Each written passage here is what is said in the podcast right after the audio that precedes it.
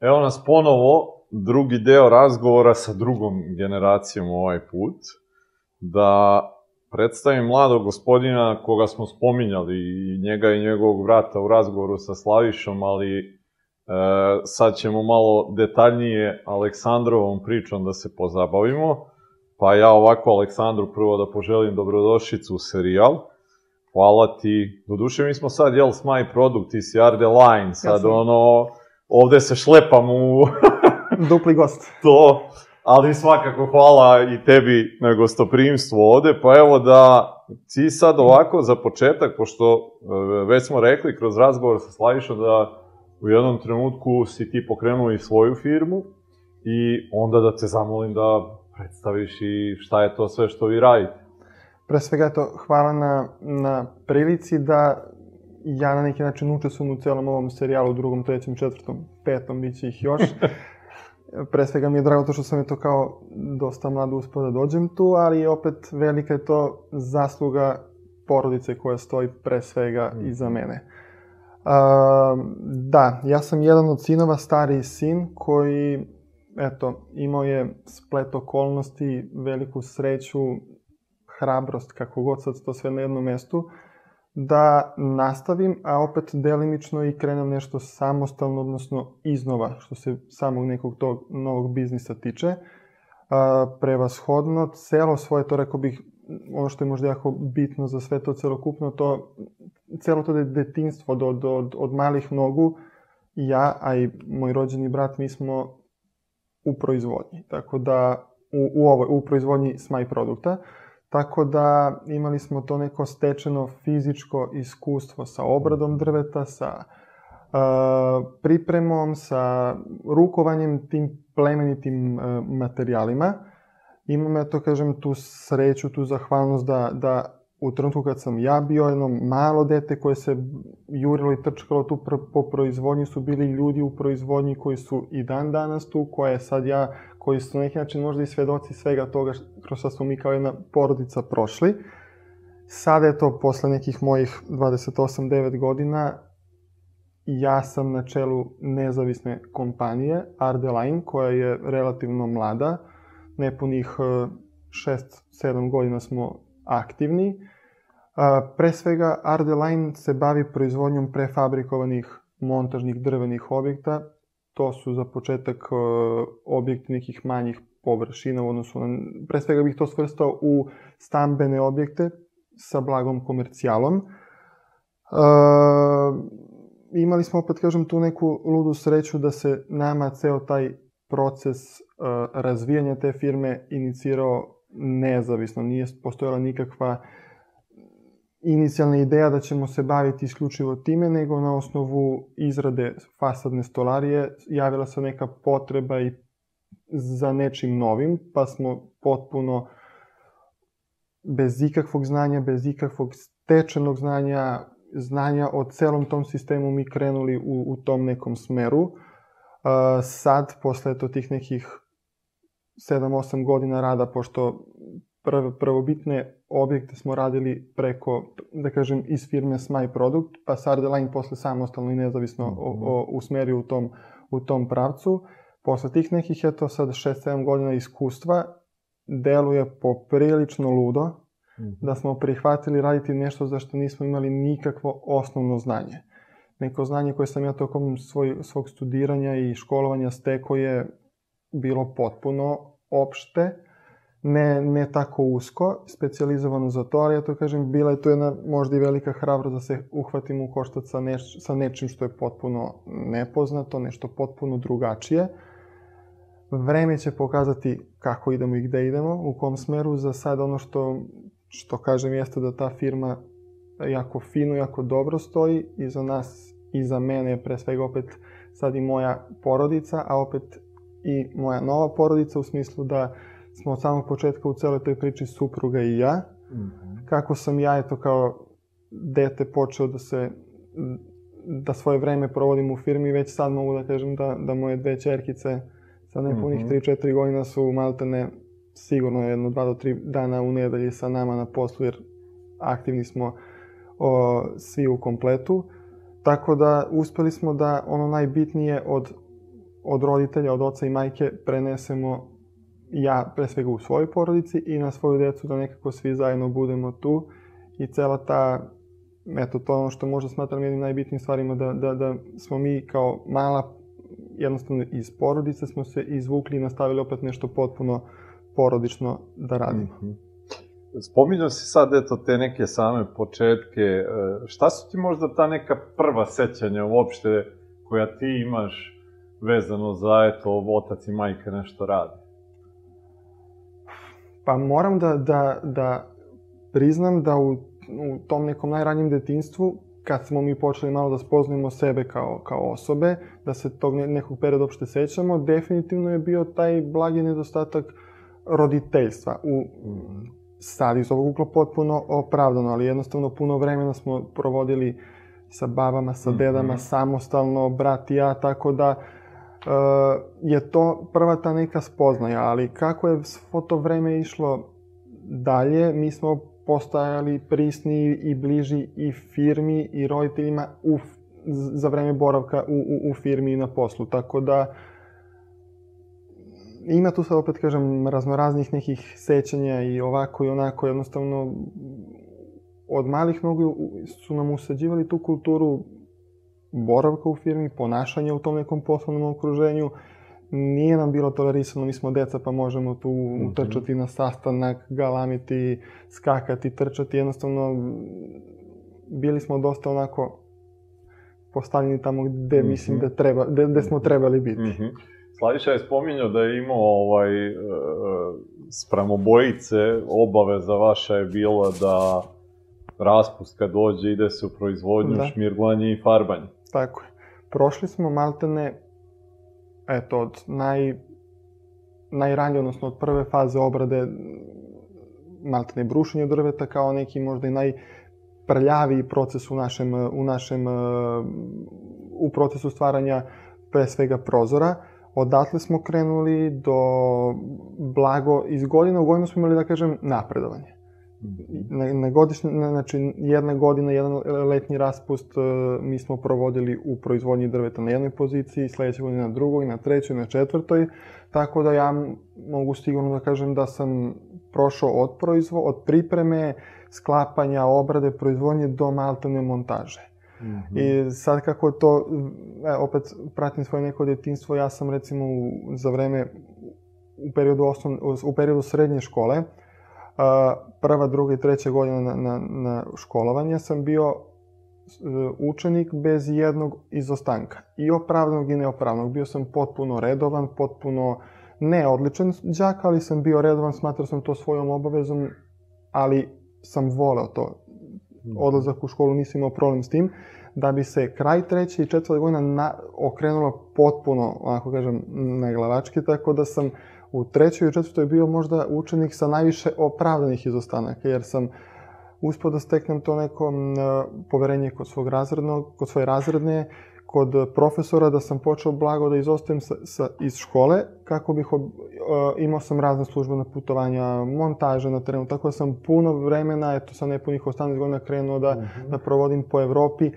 na sastancima, u pregovaranjima, na, na terenu sa radnicima, praćenje montaže, jednostavno poprilično stručnog znanja. Mm -hmm. Imam, se opet kažem, velika zahvalnost, to mi nikad niko pre svega razredno u, svoj, u, u, u srednjoj školi nije uzato za zlo, čak recimo sam imao tako poverenje da moji roditelji to nisu ni pravdali. Pravda sam ja preko poverenja koje sam stekao mm -hmm. neposredno pre toga. Da, a samo da te pitam, da te vratim na te možda prve dane, klinačke, da ih tako nazovemo, koliko je uh, taj rad, letnji raspust je, možda tvoji drugari idu na bazen ili tako nešto, ti ideš da šmirglaš drvo. Kako si prihvatao to u tom trenutku? Je ti bilo to ono, onako, ne baš sa tolikim zadovoljstvom neki posao koji bi radio? Sad to je malo onako dalji period, pa nis, ne, možda ne bih nešto iskreno odgovorio, ali a, bilo je potpuno korektan i otvoren odnos u svemu tome. E, pravilo je bilo, radno vreme je bilo 7 sati ujutru, mi smo morali biti u 7 mhm. sati ujutru tu. Mogli smo cele noći, cele, pre toga biti i sa drugarima, mm -hmm. i na mhm. računaru, i gde god, ali u 7 ujutru smo morali biti tu. A, vrlo često smo znali da maltene iz nekog, nekom malo, da kažem, daljem periodu iz provoda dođemo na posao, mm -hmm. ali nismo smeli da, mm -hmm. ništa od toga nije smelo da se odrazi na, na boravak, u, mm -hmm. odnosno na vreme provedeno u firmi. Nismo imali neke velike povlastice, nismo imali tu nikakve, da kažem, benefite, tretirani smo i traženi od radnika s kojima smo mi bili u tom trenutku u, u proizvodnji da se prema nama obhode potpuno -hmm. razumno, potpuno bez nekog sad, da kažem, diskriminaciju dodali nekih mm -hmm. težih poslova ili kako god. Tako da, što se sad samog tog mog zadovoljstva, odnosno nezadovoljstva tiče, pamtim ceo taj period kao nešto gde nisam bio kivan, ljut ili nezadovoljan zbog toga što sam tu, a ne na nekom drugom mestu. Mm -hmm. Imali smo puno toga u životu lepog, obezbeđenog od strane porodice, znači nikad nismo bili u nekoj oskudaciji, ali jednostavno, eto, pre svega to neko detinstvo možda pamtimo po tome što smo bili potpuno posvećeni nekim, sad vidim, lepim vrednostima. Mm -hmm. E, koliko je na odabir e, i srednje škole i uopšte ono kasnije i fakulteta imala utice porodična firma? Mm, I u svoje ime, ako sad pričamo o tome, poprilično rano ja sam zavolao arhitekturu, odnosno celokupan taj smer neke gradnje, nekog uređenja. Nisam to gledao kao klasičnu komercijalu izgradnje nečeg gradnje kroz nekih sam finansijski moment, nego jednostavno meni je to stvaranje nečeg zarad nekog dobrog dela, odnosno nečije potrebe da živi u nečem lepom, kvalitetnom, bilo jače od bilo čega drugog. Uh, ja sam, recimo, sticajem okolnosti, nisam upisao srednju građevinsku, nego srednju ekonomsku školu, uh mhm. -huh. a znao sam da ću ići na arhitekturu, odnosno na građevinu u nekom daljem smeru. Uh, crtanje u u to vreme u nekim arhitektonskim programima, SketchUp, AutoCAD, 3D Max, ja sam naučio možda već sa, još u osnovnoj školi. Da, Slaviša je spomenuo neki kompjuter da. koji je kupio Jeste. i... A, opet, iniciranje samih roditelja da se ja bavim nekim crtanjem, nekim projektovanjem, to nikad nije postojalo, to sigurno. Mm -hmm. Nešto se tu samostalno nekako izrodilo da, da postoji neka potreba za nečim. Uh, ja mislim da, da otac još uvek uh, negde na svom računaru čuva neke moje projekte uh, koji su sad iz ovog ugla malo neozbiljni na, na neki način, ali imaju jednu veliku težinu da ja mogu sad da kažem da stvarno sam se bavio nečim kon konkretnim. To što je verovatno ona pomenuo uh, tokom, uvek je postojala jedna korektna i, i, i stroga disciplina između nas. Poprilično toga se znalo šta se sme mm -hmm. i mhm. poprilično toga šta se ne sme. Nikad nije bilo ono klasične barijere to, nikako to ne. Uvek je bio prijateljski i druga, drugarski odnos u tome da se zna šta možemo, kako možemo, u kom smeru idemo. Tako da, kažem, eto već iz, iz ne, neke kraj osnovne škole rodila se ta neka moja ljubav i želja prema crtanju, prema projektovanju i to je krenulo u tom nekom smeru. Ja sam samostalno krenuo posle da učim i izučavam te programe. Verovatno da postoji u toj nekoj podsvesti to da sam ja tokom boravka u nekom ranjem detinstvu bio okružen projektima, papirima, razno raznim arhitektama, sastancima i da je to mene nekako indirektno vuklo kasnije u nekom tom smeru. Tako da i to što je ona pomenuo, to da smo mi tokom nedelje imali zabranu upotrebe računara za, mm -hmm. za korišćenje, to, u, za, za, za razne igrice, uh, trošenje vremena uzaludno, uh, naspram toga je bila potpuno dozvoljeno da, da, da računare koristimo neke pametne, pametne svrhe, recimo, tako da sam ja noći i noći provodio crtajući, dizajnirajući razne projekte, interijere, raznorazne, raznorazne tako neke stvari i to me stvarno navodilo u tom, u tom nekom smeru. Tako da, eto, sad kažem, stvarno tu negde postoji ta neka arhiva raznoraznih mm -hmm. projekata. Jesu oni blago neozbiljni, ali recimo u sadašnjem projektovanju kako se vidim neke obrise i neke elemente koje mm -hmm. vidim na tim nekim prvim projektima koji su bili interesantni. Tako da to sigurno nije uzaludno bačeno vreme. Mm -hmm. Čak sam ja zbog tog ranog ulaska u celu tu priču imao potencijalne blage probleme na fakultetu. Recimo, mhm. na drugom ili trećem semestru na fakultetu, gde smo imali prvi projektni zadatak projektovanja nečeg, pre toga sve bilo neko upoznavanje sa arhitekturom, projektovanje neke, projektni zadatak je bilo projektovanje vikendice pored, pored reke, pored jezera, gde sam ja na drugom ili na trećem e, predavanju, odnosno vežbanju sa profesorima i asistentima doneo kompletno gotov projekat, bez prethodne razrade, bez, jednostavno ja sam ga dao u, u 5 dana na, na, na osnovu dobijanja projektnog zadatka, ja sam to dao, da bih dobio opasku i komentar od asistenta da, da sam se ja malo zaigrao, zaneo kupovinom već tako rano sam kupio projekat od nekog ko već to zna da radi. Imao sam problem da stavim do znanja da to jeste moje delo, da to jeste moje, moj projekat, moj rad. Mm -hmm. Da bi sve to sa konkretno tim asistentom na tom predmetu, na, to, na toj katedri završilo tako što je on mene upoznao, nakon dva vežbanja nakon toga je meni rekao, kolega, mi smo ovde završili, dođete na upis ocene. Mm -hmm. Tako da, to mi onda posebno bilo drago da sve ono što sam nekad preradio nije bilo uzaludno. Mm -hmm. Koliko je sam fakultet uh, bio, ajde da kažemo, povezan sa realnošću? Jel to što si učio tamo, bilo i ono nešto što je bilo neko, ajde da kažemo, faktičko stanje na terenu, ne, nekih stvari koje si imao priliku da vidiš kroz firmu? Mislim da to nije bilo u potpunosti tako. Jednostavno, ja sam studije započeo u Nišu, na Građansko-arhitektonskom fakultetu u Nišu. Uh, još uvek nisam završio studije, što je mhm. ono čime se ne ponosim u potpunosti, ali sve verovatno ima nešto svoje zašto. Ostao sam na zadnjih 3-4 ispita, tako da sam još uvek absolvent arhitekture. uh,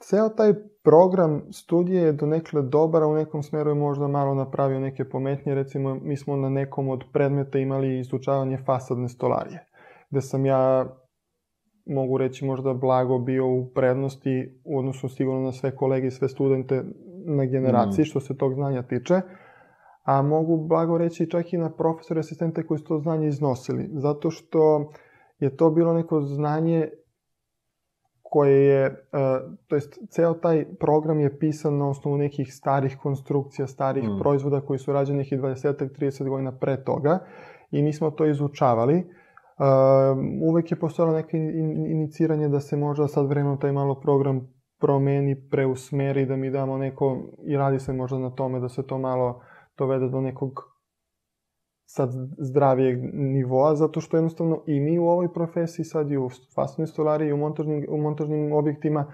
danas znamo, već sutra nešto ne znamo jer je preko noći potpuno mm. nova literatura, potpuno novi materijali, tako da je usavršavanje potpuno, a ceo taj možda neki program u, u, na fakultetu parcijalno ostao blago mm. negde nazad ali je meni jako doprineo tome da ja, ja sam uspo eto da, da savladam neke korake projektovanja, sagledavanja, upoznavanja s materijalima, s konstrukcijama poprilično puno.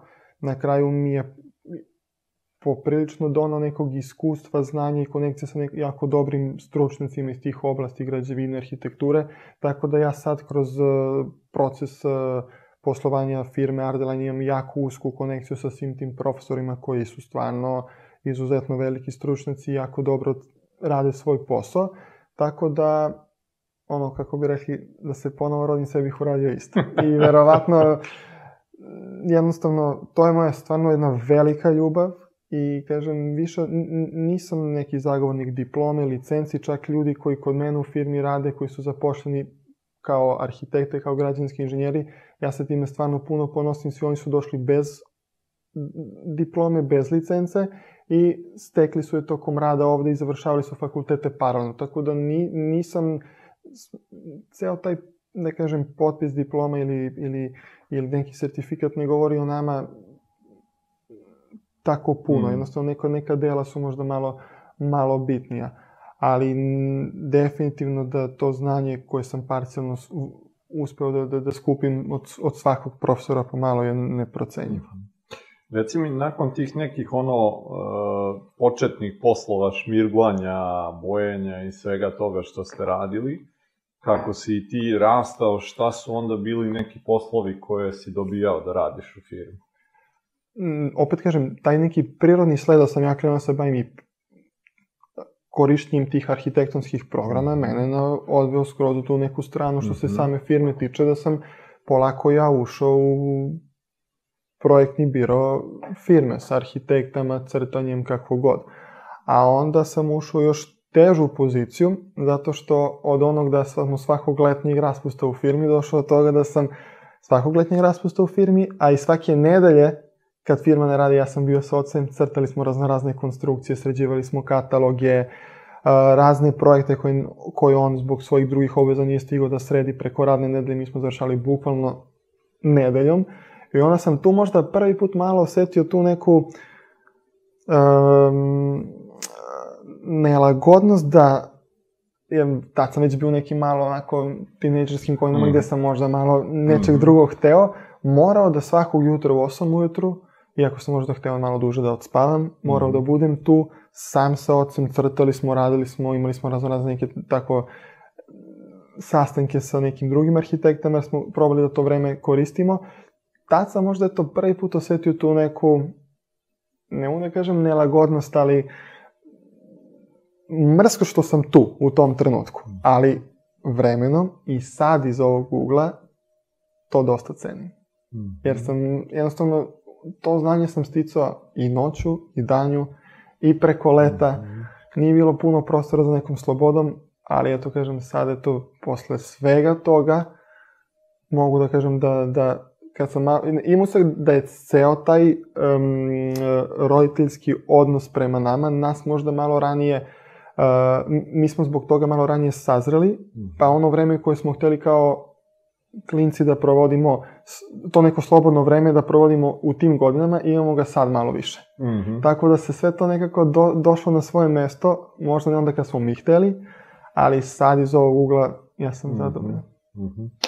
E, reci mi koliko bude e, izazovno kad ti sad dođeš u firmu kao dete osnivača, gde te dosta radnika zna i kad si bio ovolicni, i da sad ti izgradiš autoritet neki ka tim kolegama koji su u firmi možda i desetak i plus godina i pritom opet kažu, znaju te kad si trčkarao tu po pesku. To je jako, ja sam to doživeo na sebi, jako teška i kompleksna pozicija koja se kod mene nije sredila za preko noći, mm -hmm trebalo je poprilično puno vremena, jer to ono što kažem, ti ljudi su gradili sistem firme Smaj Produkt. Pričam ne o ljudima mm -hmm. koji su možda i u operativi, u komercijali, u birovu, nego ljude koji su maltene u proizvodnji, ti koji su kvalitet prvog prozora pratili do kvaliteta hiljaditog, dvehiljaditog prozora. Mm -hmm. jako je bilo teško tim ljudima staviti do znanja da smo mi neko znanje stekli na osnovu njih, na osnovu nekog drugog kolege u firmi i da sad mi tu stojimo kao neko ko ima neko znanje, neko iskustvo, uh, posebno da na kraju kraja mi dođemo do toga da smo mi ti, ja sad potpuno samostalno u svojoj firmi, neko ko potpuno delegira i obaveze i donosi neke i lake i teške odluke. Ceo taj proces je bio dosta i naporan i, i težak, ali kažem, uh, pre svega ja mislim da sam to, to poverenje prema, u, u, poverenje uh, tih ljudi stekao um, iz nekim znanjem i iskustvom i karakterom, a i pre svega odnosom prema njima. Jer ja i dan danas znam ko su ti ljudi koji su tu bili od prvog dana. Mislim da oni mene možda još uvek gledaju kao neko, mhm. neko, neko malo dete koje, i, koje je tu bilo kad su oni nešto malo radili, da kažem, cela, ceo taj sistem da smo mi kao porodica ovde na ovom mestu u, u, u tom nekom privatnom sektoru proteklih, eto, 32-3 godine, ja imam 28, znači sve to je krenulo pre nego što sam se ja rodio, mm. tako da eto, imali smo maltene situaciju da ljudi koji su bili na mom, na proslavi mog prvog rođendana su bili na proslavi moje svadbe, tako da -hmm. su to ne samo klasični ljudi koji su tu da rade, nego jednostavno to je jedna malo, malo šira porodica, sad malo veća. Mm -hmm. Sad dosta veća, tačno. Mm -hmm. e, ta ideja o posebnom delu poslovanja koji danas ti vodiš, Slaviša je rekao da je to negde od njega i Jovana poteklo, da su oni videli negde to da. nešto i e, da je onda doneta ta neka odluka da se uđe u ceo sad taj novi biznis. E, jesi ti možda u tim nekim trenucima e, imao ne, neku možda malo sumnju, oprez ili tako nešto, da li je to nešto gde ćeš ti da se snađeš, da li je to nešto u što uopšte treba da ulazite, kakva su tvoja razmišljanja negde bila tada? I ja mislim da su, da, da, to neko iniciranje za tom prefabrikovanom drvenom gradnjom proisteklo je od njih dvojice. Mislim da su oni na jednom projektu koji smo mi radili u, u Italiji, oni su obilazili taj kompleks, videli to, onda su došli s tom idejom ovde. Pre svega, t, proizvodnja montažnih drvenih kuća nije nešto što smo mi otkrili, čime smo, šta, zašto smo mi kao nešto najpametniji. To je nešto što se u Evropi radi poslednjih možda već 60-70 godina, znači neposredno nakon drugog svetskog rata mislim da je krenula mhm. proizvodnja montažnih kuća, da se to gore u Evropi dosta visoko onako kotira, kod nas je to na nekom malo drugačijem nivou zbog, zbog te neke naše kulture, zbog tog nekog našeg odnosa mm -hmm. uh, iz prošlosti. Uh, šta znam, jednostavno, uh, iniciranje je bilo, da kažem, pre svega to sad nekako naše zajedničko, da se uđe u tom nekom, da se krene tim nekim novim novim podsektorom. Uh, meni je dosta karakteristično to da ja vrlo kasno stvorim neku sumnju. Jednostavno, sve što se trenutno inicira, ja to vrlo onako srdačno prihvatim, uđem u pripremu, razradu, u borbu sa tim, a onda jedno, možda godinu, dve nakon toga kad legnem da, da, da, da, da spavam, onda kažem, ja, šta sam ja prihvatio. Tako da, iniciranje je bilo, Mi smo imali neke projekte koje smo radili, uh, za koje smo proizvodili fascinu stolariju, ugrađivali smo, isporučivali smo to u određenim fabrikama u Sloveniji, gde smo, gde smo imali par uzornih uh, panela koje su oni proizvodili, mi smo morali to da ugradimo u tim panelima, pričam fascinu stolariju, onda se stvorila ta mogućnost da ja sa jednim od uh, radnika iz proizvodnje odemo i to njima fizički namontiramo, učestvujemo u razredi tog, tog prototipa jednog od, od panela. Tako da sam imao tu mogućnost da uđem u jednu od e, velikih proizvodnji fa, e, prefabrikovane gradnje, gde nisam to shvatio samo kao poslovni službeni put, gde ću ja nešto otići odraditi, nego sam ja to vidio malo drugačijim očima, gde sam ja ušao i maltene sam sve ono što sam gore video po povratku u hotel zabeležio, slikao, skicirao. To, to kad pre... si ulazio kao vozač kombija. Da, da, da, tako, da, tako, da, je, tako je. I a, onda sam se ovde vratio, tako da kad smo mi to počeli sve da radimo, mi nismo imali trenutne proizvodne pogone. Prve fasadne panele, prve a, panele za montažne drvene objekte, mi smo radili potpuno ne znam kako to sad mogu da nazovem, potpuno laički, bez, bez alata, bez uh, najosnovnijih proizvodnih mašina. Imali smo mi tu jednu veliku sreću da smo se, mi, mi smo ušli u proizvodnju prefabrikovanih drvenih objekta sa iskustvom obrade fasadne drvene stolarije, tako da imali smo mi iskustva u obradi drveta, ali ne na taj način. Mm -hmm. Tako da, eto, krenuli smo, ja kažem, mi smo potpuno atipična srpska firma, mi smo prvi projekat radili za švajcarsko tržište. Tako da smo, mi sad imamo taj blagi problem da kad imamo iniciranje sa domaćeg tržišta gde smo mi jako slabo zastupljeni, nama je teško da se pre, prilagodimo potrebama srpskog tržišta, jer nama su svi lageri materijala, svi, sve konstrukcije, svi sistemi naših, naše proizvodnje bazirani ka Evropi, Švajcarskoj, Francuskoj, Nemačkoj, Austriji, tako da ono što se šta nudimo i radimo u Srbiji, radimo potpuno istim kvalitetom i sistemom kao što radimo za, za, za to mm. neko evropsko tržište. Tako da taj moj poslovni odlazak u, Slo, u, u Sloveniji se ispostavio kao nijedan insajderski odlazak u, u, u, u nekim velikim proizvodnjama gore. Reci mi, kad si uh, sad onako, ajde da kažemo, uh, puno radno vreme počeo da boraviš u firmi, i pretpostavljam da, da je tu dosta i nekog vremena bilo i na putevima, možda to što si spominjao sa ocem. E, šta su možda bile neke stvari koje si tada po prvi put video e, vezano za, eto, taj deo neki posla kojim se on bavi, što možda nije tako vidljivo sa strane, iako si ti sin, iako si tu, ali je li bilo neke stvari koje si možda bio malo iznenađen ili da ti je bilo onako nešto specifično što do tad nisi imao uvid? Mislim da ne, jer opet kažem, mi nismo imali tu degradaciju, ne znam, napunit ćemo 15 godina pa ćemo krenuti mm -hmm. da idemo na neke poslovne sastanke. Ja skoro da nisam siguran koliko sam ja godina imao kad sam bio na nekom prvom sastanku. Mm -hmm. Tako da sam indirektno upio svo to neko iskustvo, sva ta neka viđenja koje su bile u tom trenutku. Ja sam malta ne odrastao sa tim. Drugo, uh, jako ono što je, smatram, bitna i interesantna stvar, recimo naš povratak sa službenog puta, recimo iz Beograda do Niša, nije se svodio na to što smo mi pričali o ne znam čemu, jednostavno pričala se isključivo o tome šta smo radili, kako smo radili. Otac i majka su vrlo često od nas tražili uh, naše mišljenje sa tog sastanka, kakvo god da je, kakvo god, gde god.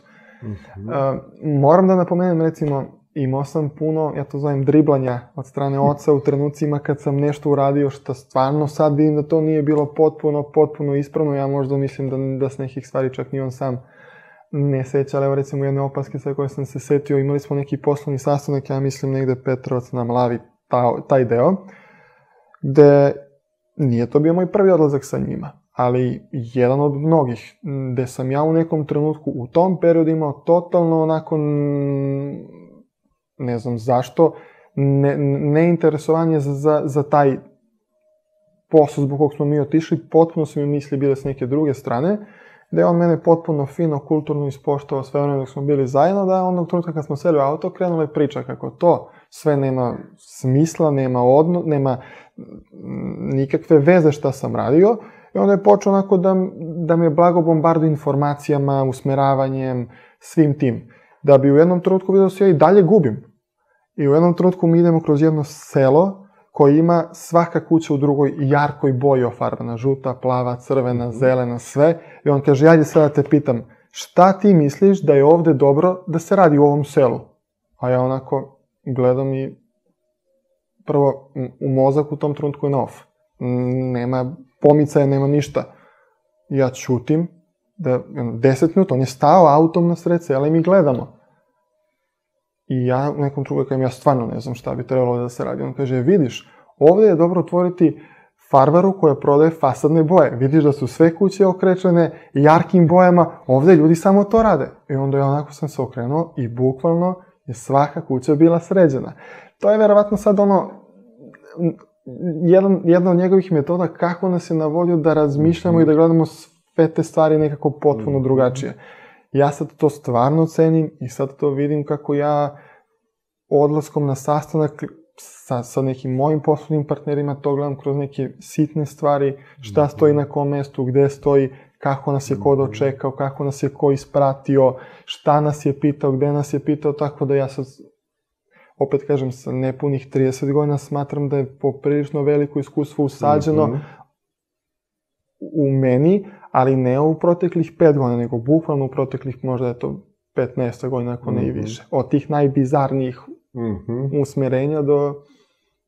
Je li bilo možda nekih novina, sad Slaviša je rekao, ovaj, kad sam razgovarao sa njim, da e, taj deo Ardelajna i vođenja i razvijanja tog biznisa da se on tu ništa, ono, niti mešao, niti nešto toliko ovaj, bavio tim. Je bilo nekih stvari koje si sad, s obzirom da pokrećeš biznis gotovo od nule, e, da su ti možda bile nove?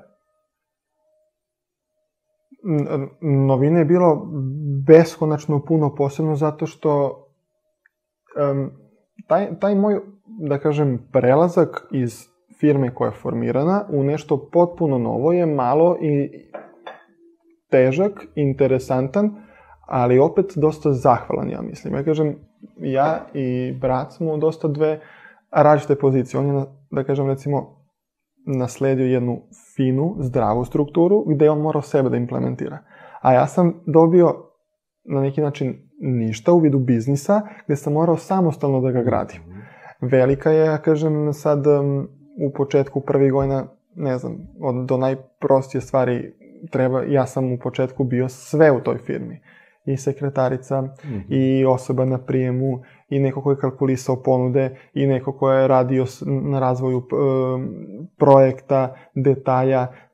Ja sam prvu, prvi panel u proizvodnji sam sklapao s radnicima. Prvu veliku montažu, ja sam bio 15 dana na montaži u radnom modelu s ljudima, da jednostavno nisam, nisam hteo da dozvolim da ti prvi naši proizvodi, prvi naši projekti prođu nekvalitetno zbog nekog neiskustva. Nisam, jednostavno nisam mogao da prepustim mojim ljudima koji su to fizički izvodili, da oni budu odgovorni za nešto za što oni to ne znaju. Mi imamo tu, kažem, nesreću da u ovom delu Srbije to ne, ne postoje proizvo, slični proizvođači mm -hmm. toga.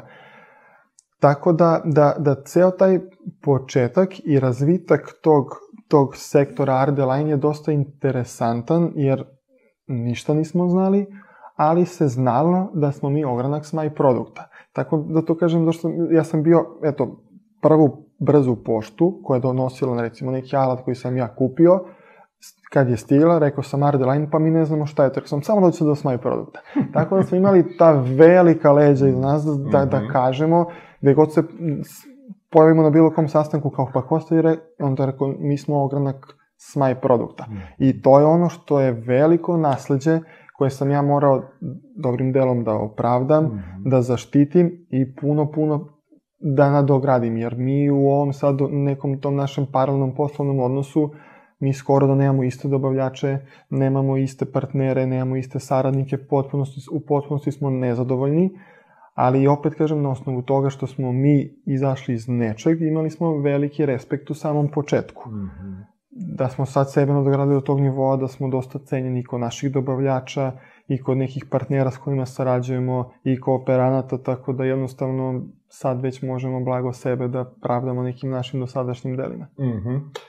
Da, tebi je taj deo Arde Lajna na neki način preduzetnički poduhvat i jesi rekao i imali ste i leđa i sve to stoji, ali jeste nešto što si ti gradio od nule, pa ću i tebe onda da pitam taj deo kad si bio devojka za sve, pa onda dolaze zaposleni i sve te neke stvari, i sad bude problem sa delegiranjem. E sad ti si imao priliku opet da vidiš kako stvari funkcionišu u Smaj produktu, da se gradi sistem, da se gradi management. Je li bilo tebi tu možda nekih izazova u tom kontekstu? Mm, svakako. Ja kažem, od samog početka, to je ono što isto jako bitno, uh, Ardeline je krenuo da živi, tu smo od samog početka moja supruga i ja, i sve to ide nekako tim zajedničkim odnosom. Mi smo taj posao delili na dva. Šta, mm -hmm. ja sam se bavio više tom nekom operativom, mm -hmm. ona je tu bila više oko financija, jer ona je diplomirani ekonomista. Tako da je to u početku bilo jako lagano. Mm. Nije bilo puno ovima posla, sve je to išlo poprilično lagano, mm. mi smo mogli sve, mogli smo da ispratimo sve fakture izlazne, sve fakture ulazne, mogli smo da ispratim proces proizvodnje, sve to. Mi smo čak i krenuli iz ove zgrade. Mm. Imali smo jednu našu kancelariju, to je bilo sve super. Dva stola, sto za, za sastanke, kad, kako god ko da dođe, mi smo bili tu. I šta god da se desi, ostajalo je u četiri zida, nije bilo problema. E, onda se to polako širilo, onda smo iz jedne kancelarije dobili još jednu, koja je bila veća, pa smo se selili i onda smo u jednom trenutku bili tu da nismo mogli svi da stanemo. I šta ćemo i gde ćemo, onda smo se mi preselili u stari objekat odakle je Smaj produkt poteko. Tako da sam mm -hmm. ja mhm. sad u kancelariji u kojoj je moj otac sve ovo mhm. šta stoji počeo da gradi i, i, i pravi. Tako da smo i mi taj sistem onako pravili, ja kažem, meni to dosta interesantno, jer smo mi onako širili smo se kancelariju sa kancelarijom tako kako smo rasli, tako smo mm -hmm krečeli, dograđivali, krečeli, dograđivali, došli smo do tog nekog nivoa da, da, da nekako znamo gde smo i šta hoćemo. Ja stvarno to mislim i stojim, to nije nikakva fraza. Ja, ja još uvek smatram da to sigurno mi nismo na nivou na kom ja hoću da mi budemo, ali ja tačno znam i vidim u nekoj svojoj idealnoj uh, organizaciji kako bi to trebalo da stoji, ko bi mhm. trebao da bude, gde, kako. Ja sam dosta, to kažem, ponosan na ceo tim ljudi koji stoji pre svega iza mene, jer mi sad imamo potpuno nezavisne sektore, prodaje, nabavke, administracije, inženjeringa, projektnog biroa, razvoja. Mi imamo naše inženjere koji svak, svakog gradilište prati po jedan inženjer. Mi smo imali situaciju da smo u drugoj polovini prošle godine imali šest paralelnih gradilišta. To ne bi bilo ništa spektakularno, to jedno gradilište nije bilo u Frankfurtu, jedno nije bilo u Parizu, mm. jedno je bilo u Švajcarskoj, jedno je bilo u Austriji, jed, imali smo dva gradilišta u Nišu, jedno gradilište ovde u okolini Bora, tako da sve to se mm. treba znati, ko je gde, šta je, mm. kako je. Mi imamo, naš sistem rada prati velika logistika, jer recimo mi jednu, jednu zgradu vozimo u, u kamione, nama jedna kuća nije jedan kamion, nama veličine kuće zna da recimo jedan projekat stanu u 60 kamiona. Tako da, da, kako su naši projekti rasli i obim projekta raso, tako se i naš uh, ceo sistem i ceo tim se širio, tako da sad imamo stvarno, ja smatram, kvalitetne mlade ljude pre svega, koji nesebično, ja sam pre svega svakom pojedinačno nesebično svog znanja davao, a sad vidim kako je meni drago kad u tom nekom sektoru neko od njih nesebično krene da, da mm -hmm. predaje nekom drugom.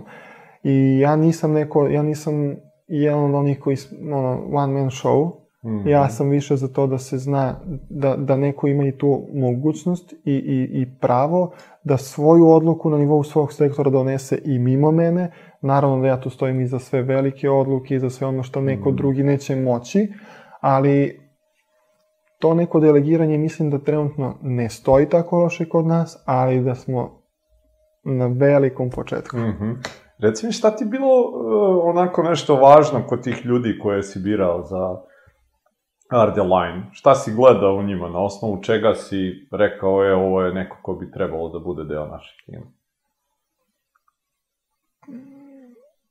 Veliku ulogu igrala, je igralo, da kažem, neiskustva tih ljudi, odnosno neimanje nekog radnog iskustva u, ne, u nekom prethodnom biznisu, poslu, sektoru, kako god, jer smatrao sam da, da, da ja formiram svoj, svoj tim, svoju firmu, svoju kompaniju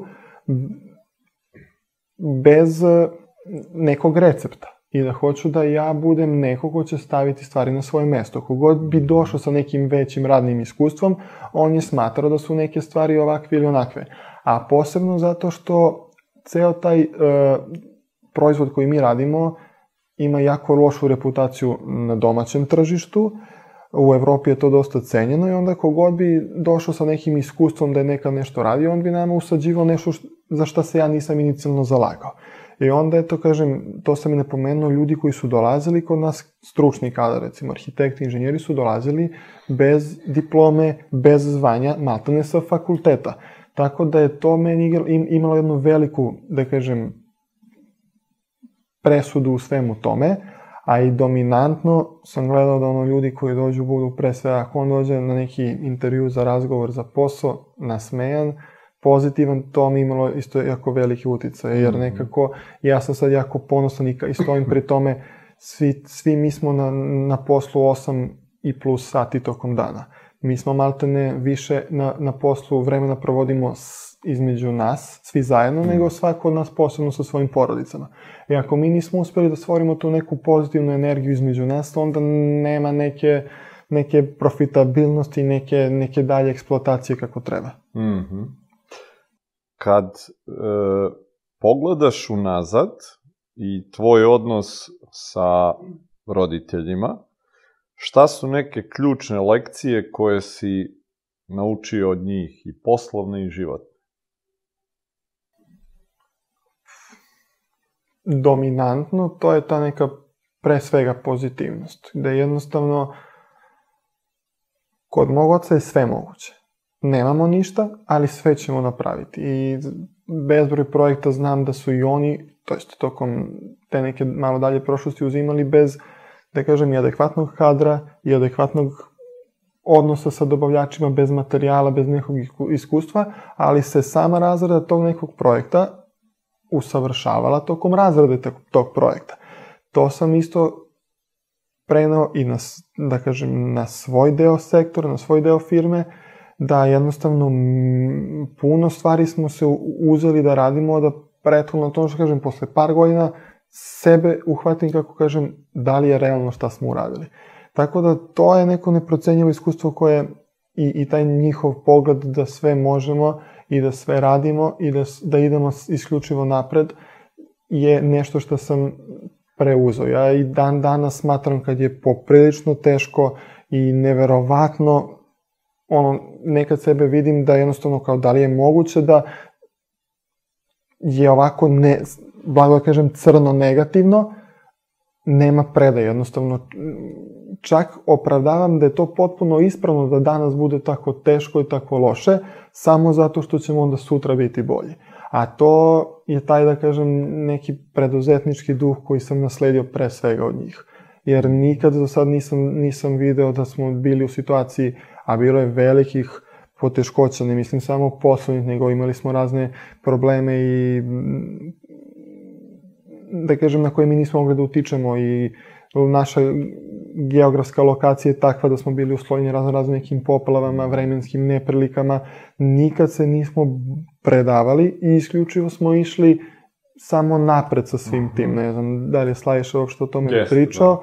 ali to su stvarno onako potpuno deprimirajuće i poražavajuće situacije okolnosti gde se probudimo, i onda dođemo ovde, vidimo da jednostavno sve ono što imamo više nemamo. Ali bukvalno to nisu bile neke, neki problemi kratkotrajni, to su bili dugotrajni problemi. Ja pamtim trenutak kad smo on i ja u jednom trenutku kad je sve ovo ovde bilo pod vodom, ušli sami, nas dvojica u proizvodnji i išli smo, maltane, voda je bila do, do, do, do, do kolena, kako idemo, kako pravimo talase po proizvodnji, tako čujemo kako padaju prozori, kako padaju alati sa, sa stolova. Jednostavno, to je onako poprilično poražavajuće i onda prođe, mi sad moramo da čekamo da sve to splasne, da sve to prođe i onda dođemo posle dva dana sa osmehom i uđemo i krenemo da čistimo, da peremo, da brišemo. Jako, opet kažem, ta stvar velika i bitna što ti ljudi koji su tu sa nama, koji rade sa nama, koji rade za nas, su uvek bili tu za nas. Što opet nekako sad mi možda to opravdamo što smo sad kad mi možemo tu za njih. Mm -hmm. e, kad se gledaju onako druge generacije u biznisu, e, sa strane veliki broj ljudi vidi samo neke pozitivne stvari, jer ono i što si rekao i ti sa tvojom firmom nisi krenuo od nule. Ali generalno pretpostavljam da sad kad možda neko gleda, ti ćeš sa svojom firmom uvek imati, a da, lako je njemu. I jel ima takvih komentara, jel te pogađaju oni? A, mi, vremenom ih ima sve manje, to sigurno. Jer stvarno smo se tako izgradili da ljudi koji nas malo duže znaju, malo da kažem, imamo neko, neke korektnije i bliže odnose, a, znaju koliko ja slobodu imam u od... kolika mi je sloboda data od strane roditelja, gde, gde ja stvarno imam situaciju da mogu da donosim svoje odluke potpuno nezavisno. Naravno, otac i majka su tu kao mentori sad i to će uvek biti. A, te opaske ima ih uvek i uvek će ih biti, verovatno. Ja od toga neću moći da, da, da, da, da skrenem i pobegnem, ali uh, možda me sve manje pogađa, zato što sad sve više imamo realnih problema. Termine, mhm. rokove, dinamike, mhm. tako da ono, ne stižemo da se bavimo više time. U početku je to bilo dosta, dosta naporno i dosta teško kad znam šta sam, za šta sam se sve trudio, za šta sam se sve zalagao i onda dođe neko i kaže pa da, lako je tebi. I onda meni dođe i kažem ne, ne znaš kako je lako meni, ali tad je, kažem, sve to bilo u povoju, ja sam imao možda i više vremena, sad jednostavno, eto, zbog svih tih poslovnih obaveza to nekako blago stavljam u taj neki drugi plan mm. i jednostavno sve to više nas ne, mene barem ne tangira onako posebno. Ja se bavim isključivo sa svojim biznisom, kažem, tu smo mi kao porodica, mi stojimo iza toga, ali ja mislim da samo mi znamo kroz šta prođemo mhm. svakog dana, svakog mm -hmm. mesta, svake godine. Mm -hmm. Šta su neke stvari koje ćeš se ti truditi da na svoju decu preneseš? Šta su neke prakse koje ćeš možda preneti iz svog detinstva koje su tvoji roditelji uh, negde primenjivali na tebi, a šta su možda neke prakse koje nećeš? Pa ja mislim da će meni biti teže nego mojim roditeljima, zato što mi stvarno u toj nekoj ranoj, u ranom detinstvu, kad je ceo razvitak kompanije Smaj Produkt krenuo, mi stvarno nismo imali puno toga u detinstvu. Sad iz ovoga gledajući, pošto ja već sad imam dve, dve male čerkice kod kuće, ja vidim da oni imaju u ovom trenutku mnogo više nego što sam ja imao u tom trenutku. Mm. Mnogo im je svega toga otvorenije, mnogo im je toga um, pristupačnije. Ja vrlo često to kažem, ja sam smatrao da do, do, do ne znam, neke svoje možda 18. 19. godine sam bio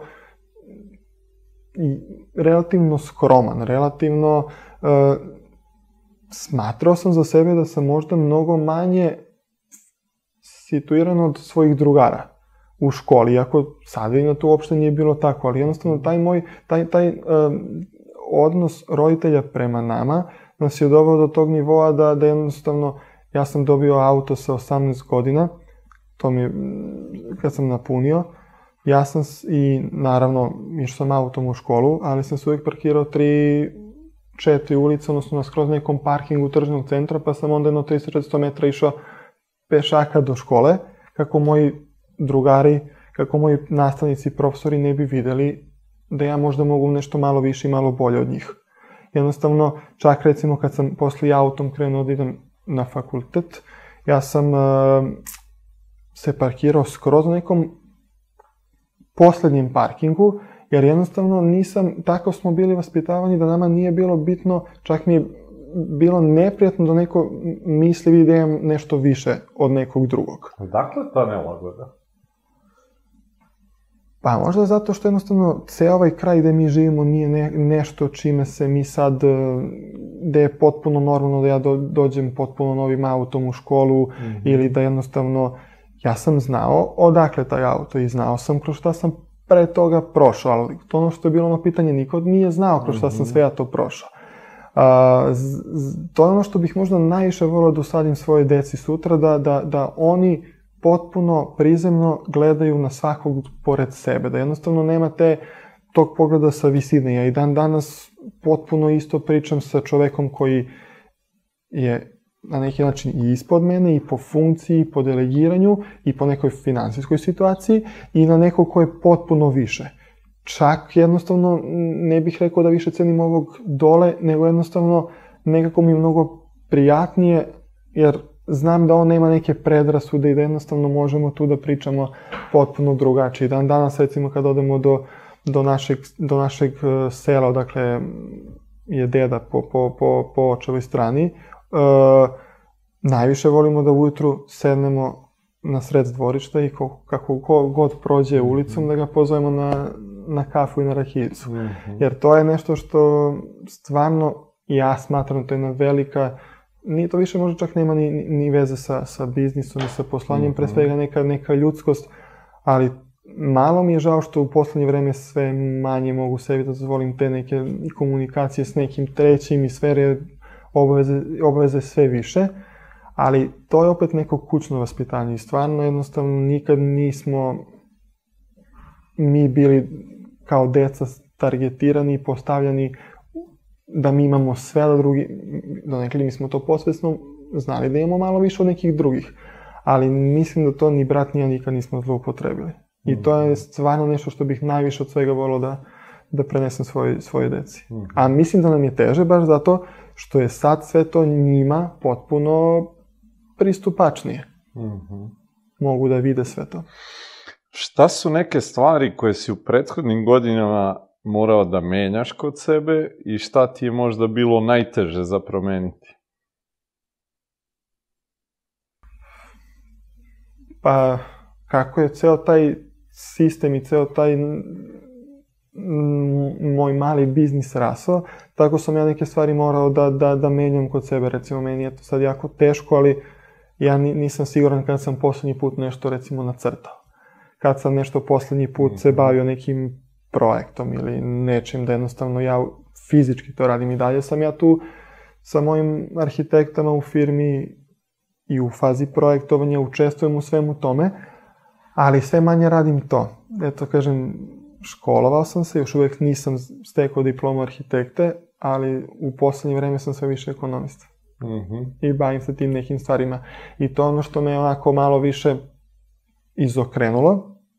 I naravno sve više se bavim nekim drugim stvarima i financijama i saradnjom sa bankama i pregovaranjima, sve manje sam u tom nekom delu, jednostavno nekad pre sam možda više bio i u izvođenju i u detaljima, sad malo manje imam vremena za to, sve više sam na nekoj drugoj strani, ali smatram da je to možda nekako logičan sled zato što odabrao sam to nekako -hmm. indirektno.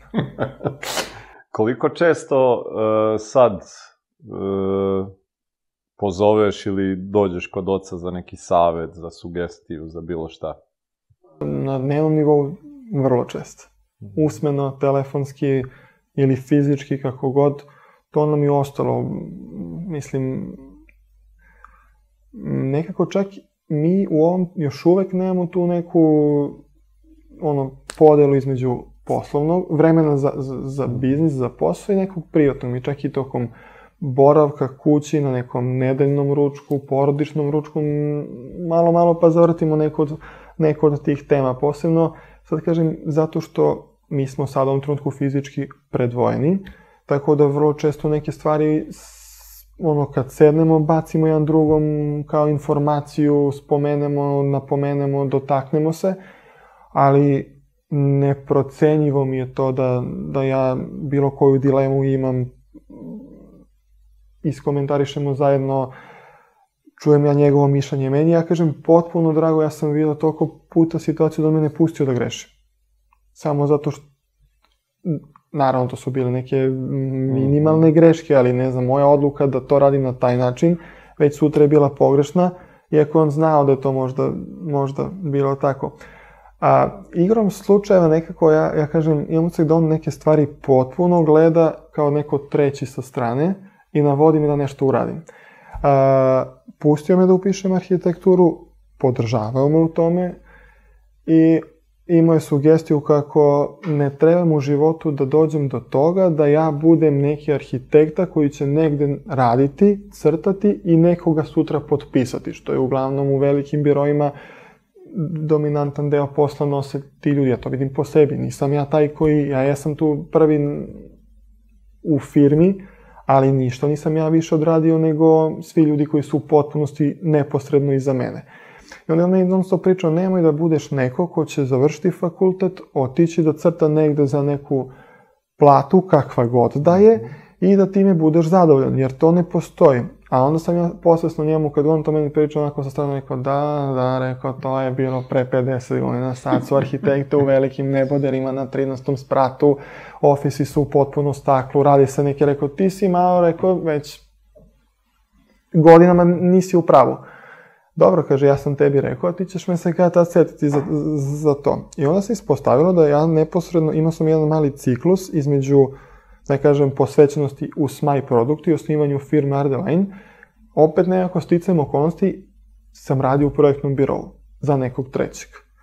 I on je meni konstantno pričao, ti ćeš završiti tako ako budeš arhitekta, budi svoj, ali ako ne budeš bio svoj, bit ćeš tamo negde u nekoj kancelariji koja nema prozor, koja je zagušljiva. Ja njemu kažem, ali čoveče, to više ne postoji. Sad svaka zgrada ima prozor, sve.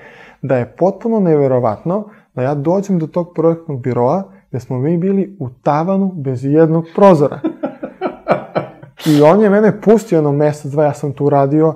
Dolazio sam kući potpuno nezgodno. Radio sam posao koji mi je bio najinteresantniji, koji sam sanjao u životu da radim u projektnom birovu, da radim, pritom je to jedan od projektnih birova koji u tom trenutku bio i dalje je jako dobro kotiran u Nišu, radi najekskluzivnije neke projekte i radio sam u tom trenutku ekskluzivne projekte, ali je stvar u tome da jednostavno to, ja radim nešto što sam želeo, ali u potpunosti ne na način na koji sam zamišljao. I to sam onda jedno, nisam mu to priznao odmah. Nisam, nisam hteo, nisam smeo, ali sam uh, posle vremenom došao, rekao sam, rekao, možeš da veruješ da se desilo ono što si mi pričao? Kaže, a šta, na šta misliš? Ja njemu kažem, kaže, vidiš da sam ti rekao? Rekao, da, ali ja nisam mogao da verujem u trenutku kad si meni pričao da to može da postoji. I onda opet i to neko fino iskustvo, gde sam ja stekao veliko, neko stručno iskustvo, neko znanje, stručno, ali sam imao jednu veliku nelagodnost da sam ja kao neko koji je bio zapošljen u tom birovu, radio nešto u uslovima koji meni nisu kao nekom koji boravi u tom prostoru, nisu mi bile prihvatljive.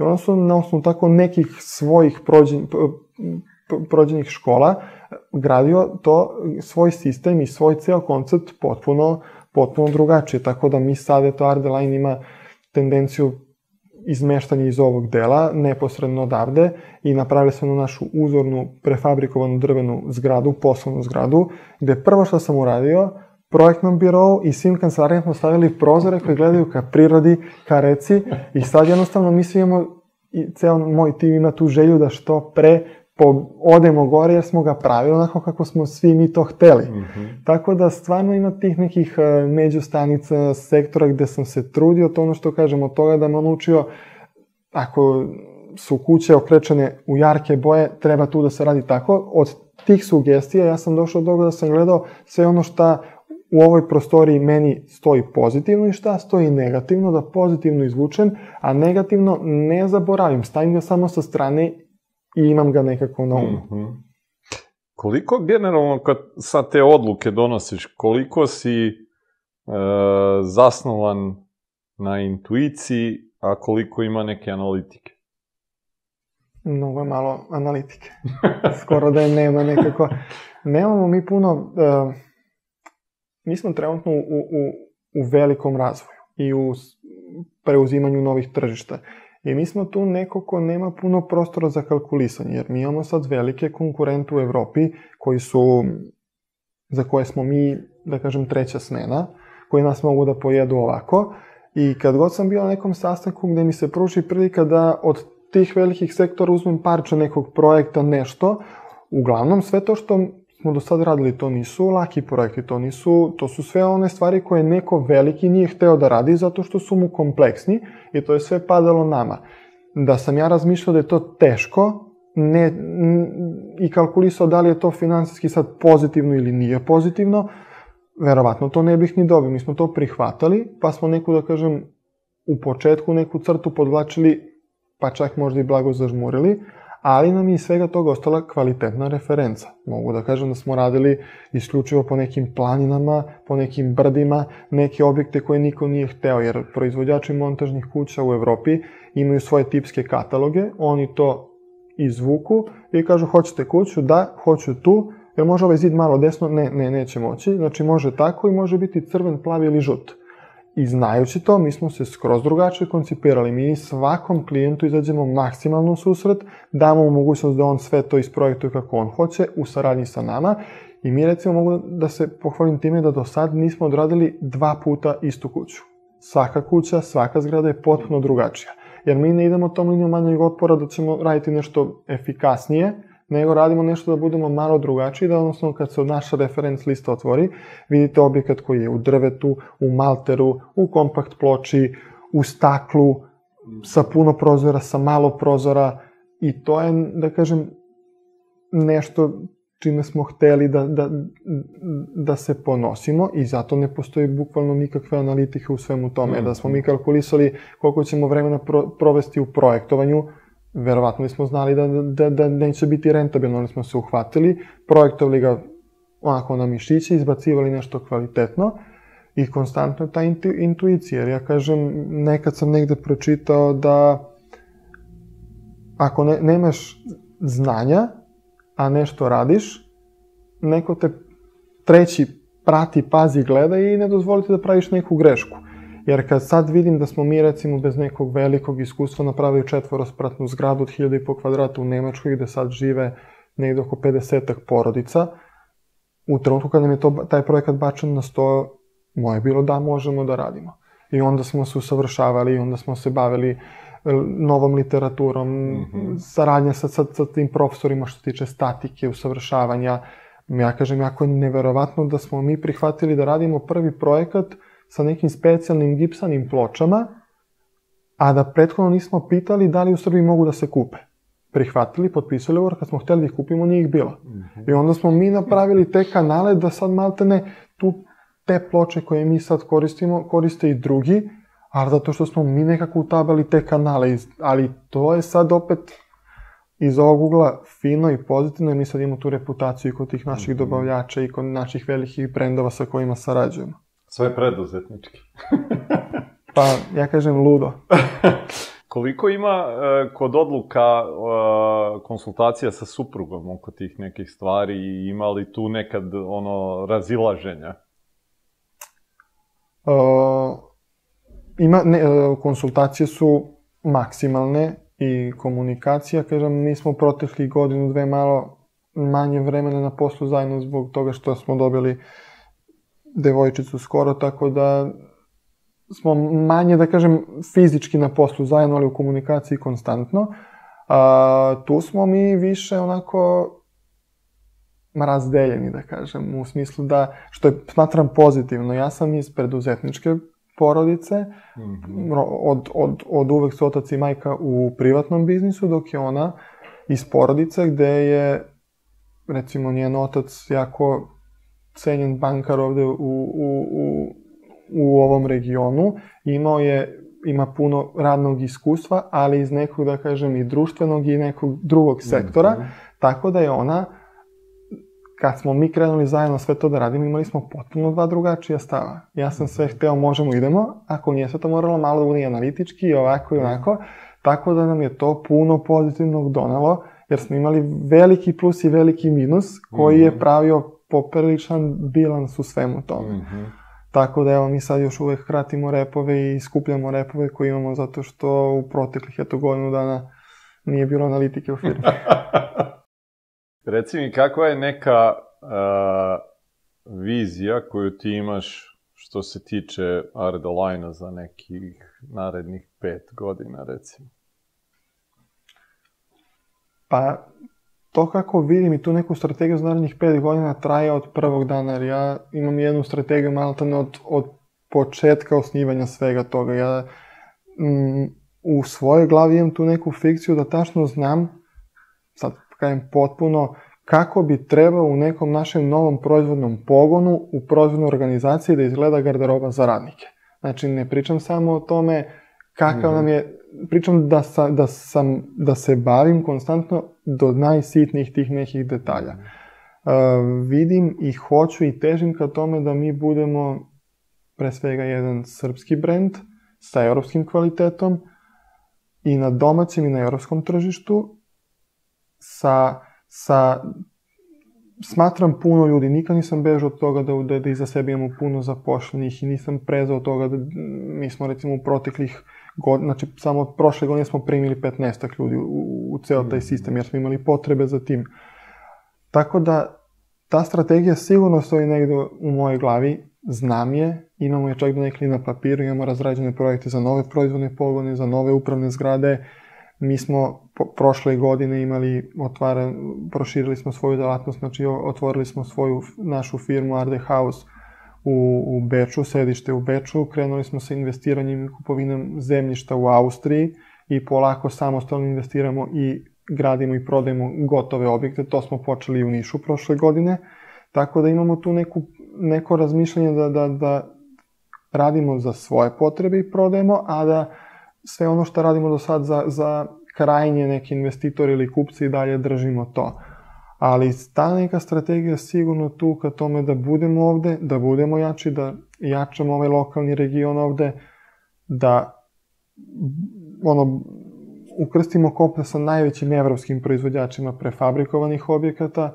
da se trudimo da budemo bolji od njih i ono što ja uvek stojim pri tome da, da se bavimo što sitnim stvarima. Ja kažem u tome da mi lako je sagraditi kuću, ali svi mi padnemo, ne znam, na detalju spoja zida, ugradnje prozora, tako da te tehničke stvari su ono što, u što trenutno najviše stvari mhm. polažemo.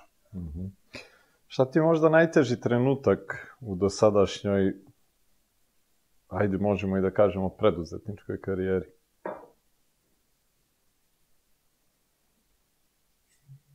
Pa nisam siguran da je nešto onako da me nešto poprilično sad pogodilo.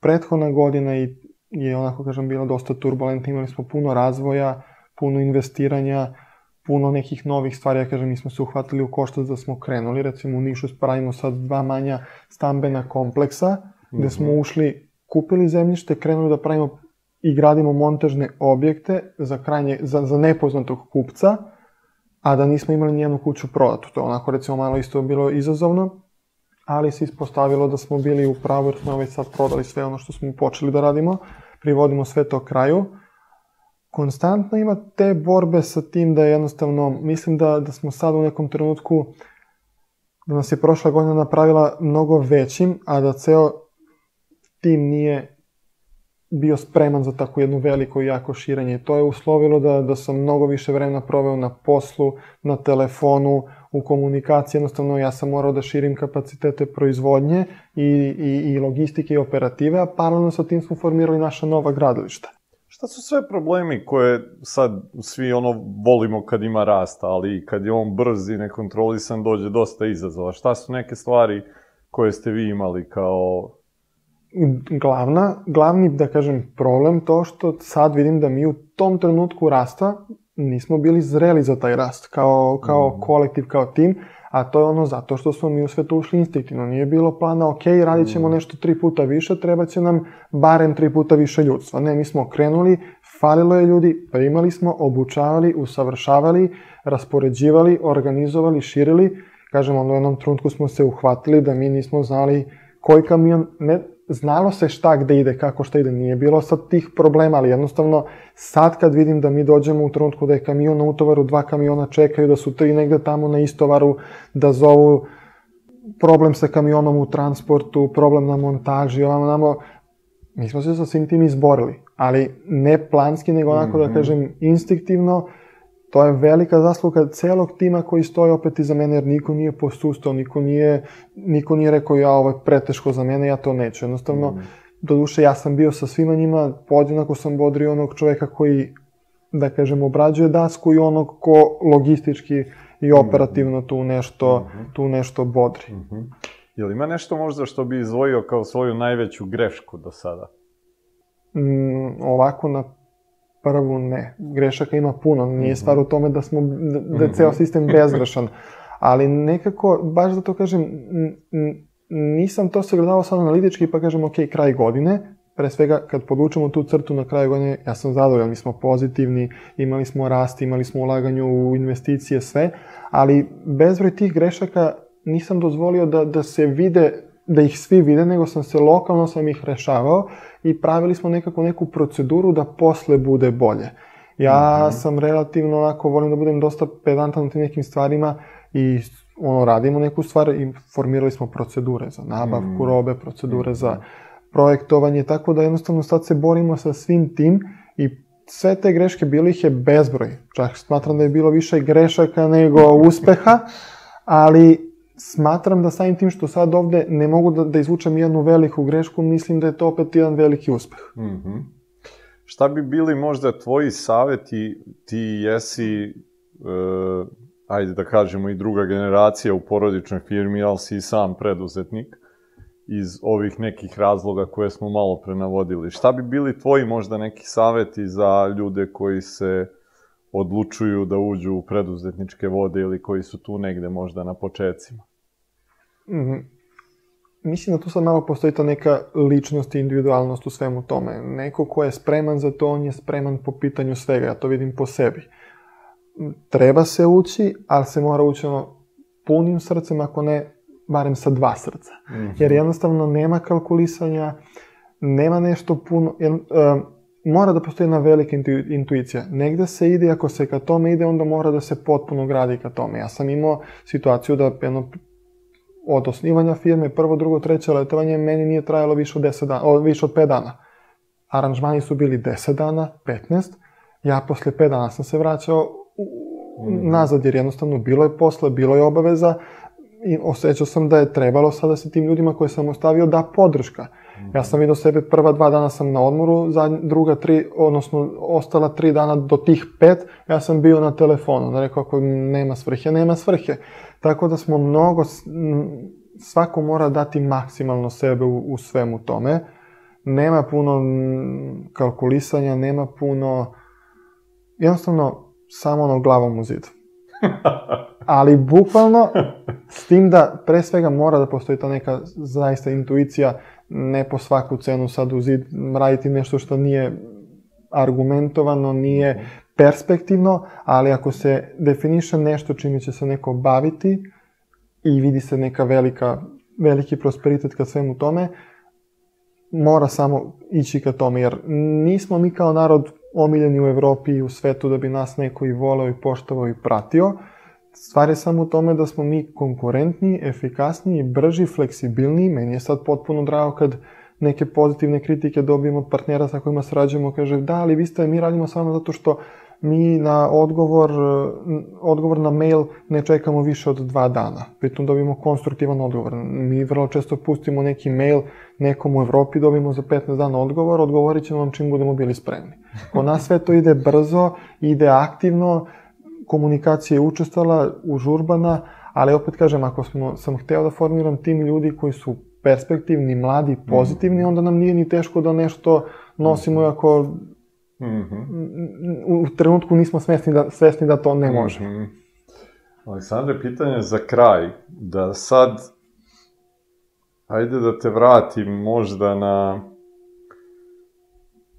te dane posle fakulteta, u stvari u tom trenutku negde kad odlučuješ i da napustiš i da se vratiš u firmu ili ovaj, da, da eto, uđeš i u sve ovo sa Ardelajnom, da možeš da budeš sebi mentor sa ovim što znaš, šta je to što bi rekao sam sebi? Ne znam, jednostavno sad sa ovim nekim znanjem, sa, ovom, sa ovim nekim iskustvom, rekao bih baš upravo to, samo jače, samo bolje, samo naprednije i što više. Nije, ali to se ne odnosi, sad opet kažem, na neki finansijski moment, nego jednostavno na, na, na sve to, ja težim ka tome da probamo da damo više, da radimo više, ako možemo 10 kuća godišnje, na početku kad smo mogli, ja sam hteo 11, Ne zato što je to više para, to je možda i manje para jer smo morali da nešto platimo više, ali smo stvarno dali sve od sebe i ja sam dao, ja i moja porodica smo dali potpuno sebe u sve to, tako da bi sigurno samo sebi rekao u smeru kom hoćemo, samo da se ide na, naprednije, napornije i jače. Mhm. Jer sad opet iz nekih iskustva vidim da smo imali neverovatno neku sreću i hrabrost za nešto za što nije bilo teoretske šanse da bude. Mm -hmm. Imali smo sad eto neki projekat koji smo radili gde smo imali velika kašnjenja s rokovima, zato što smo nešto prihvatili baš ono što smo uzeli kako možda nije trebalo, ali nam se ispostavilo da nije bilo kašnjenja samo zato što smo imali nenormalnu sreću da ove godine nije bilo zime. Mm. Da je bilo zime, bili bismo u totalnom haosu. Ove godine, eto ja sad kažem, to je mako malo sad moj lični stav i da sam svojim nekim razmišljanjem i stavom da da možemo i moramo maltene sneg pomerio iz novembra, tamo gde je trebao da bude, za januar. I mhm. stvarno, evo sad imamo jednu primu predaju tokom sledeće nedelje, jedan objekat tu u, u, u Srbiji na ne, neverovatnoj planini koji smo uspeli da odradimo uz totalno, sa totalno ludom glavom. Mm -hmm. Ok, Aleksandre, hvala ti puno na ovoj priči i negde na, na uh, delom viđenju stvari što se druge generacije tiče, delom ovoj preduzetničkoj.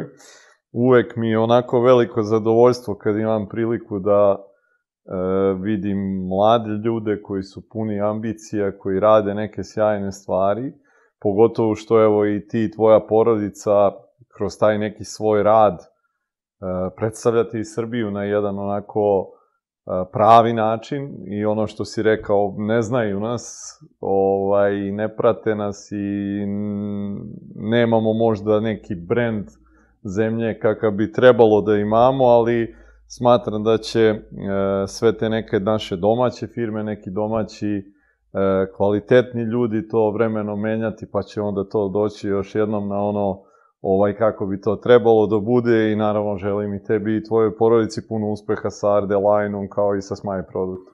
Hvala puno. Ja bih se još jednom samo to zahvalio što sam imao priliku da učestvujem u celoj ovoj za mene jako interesantnoj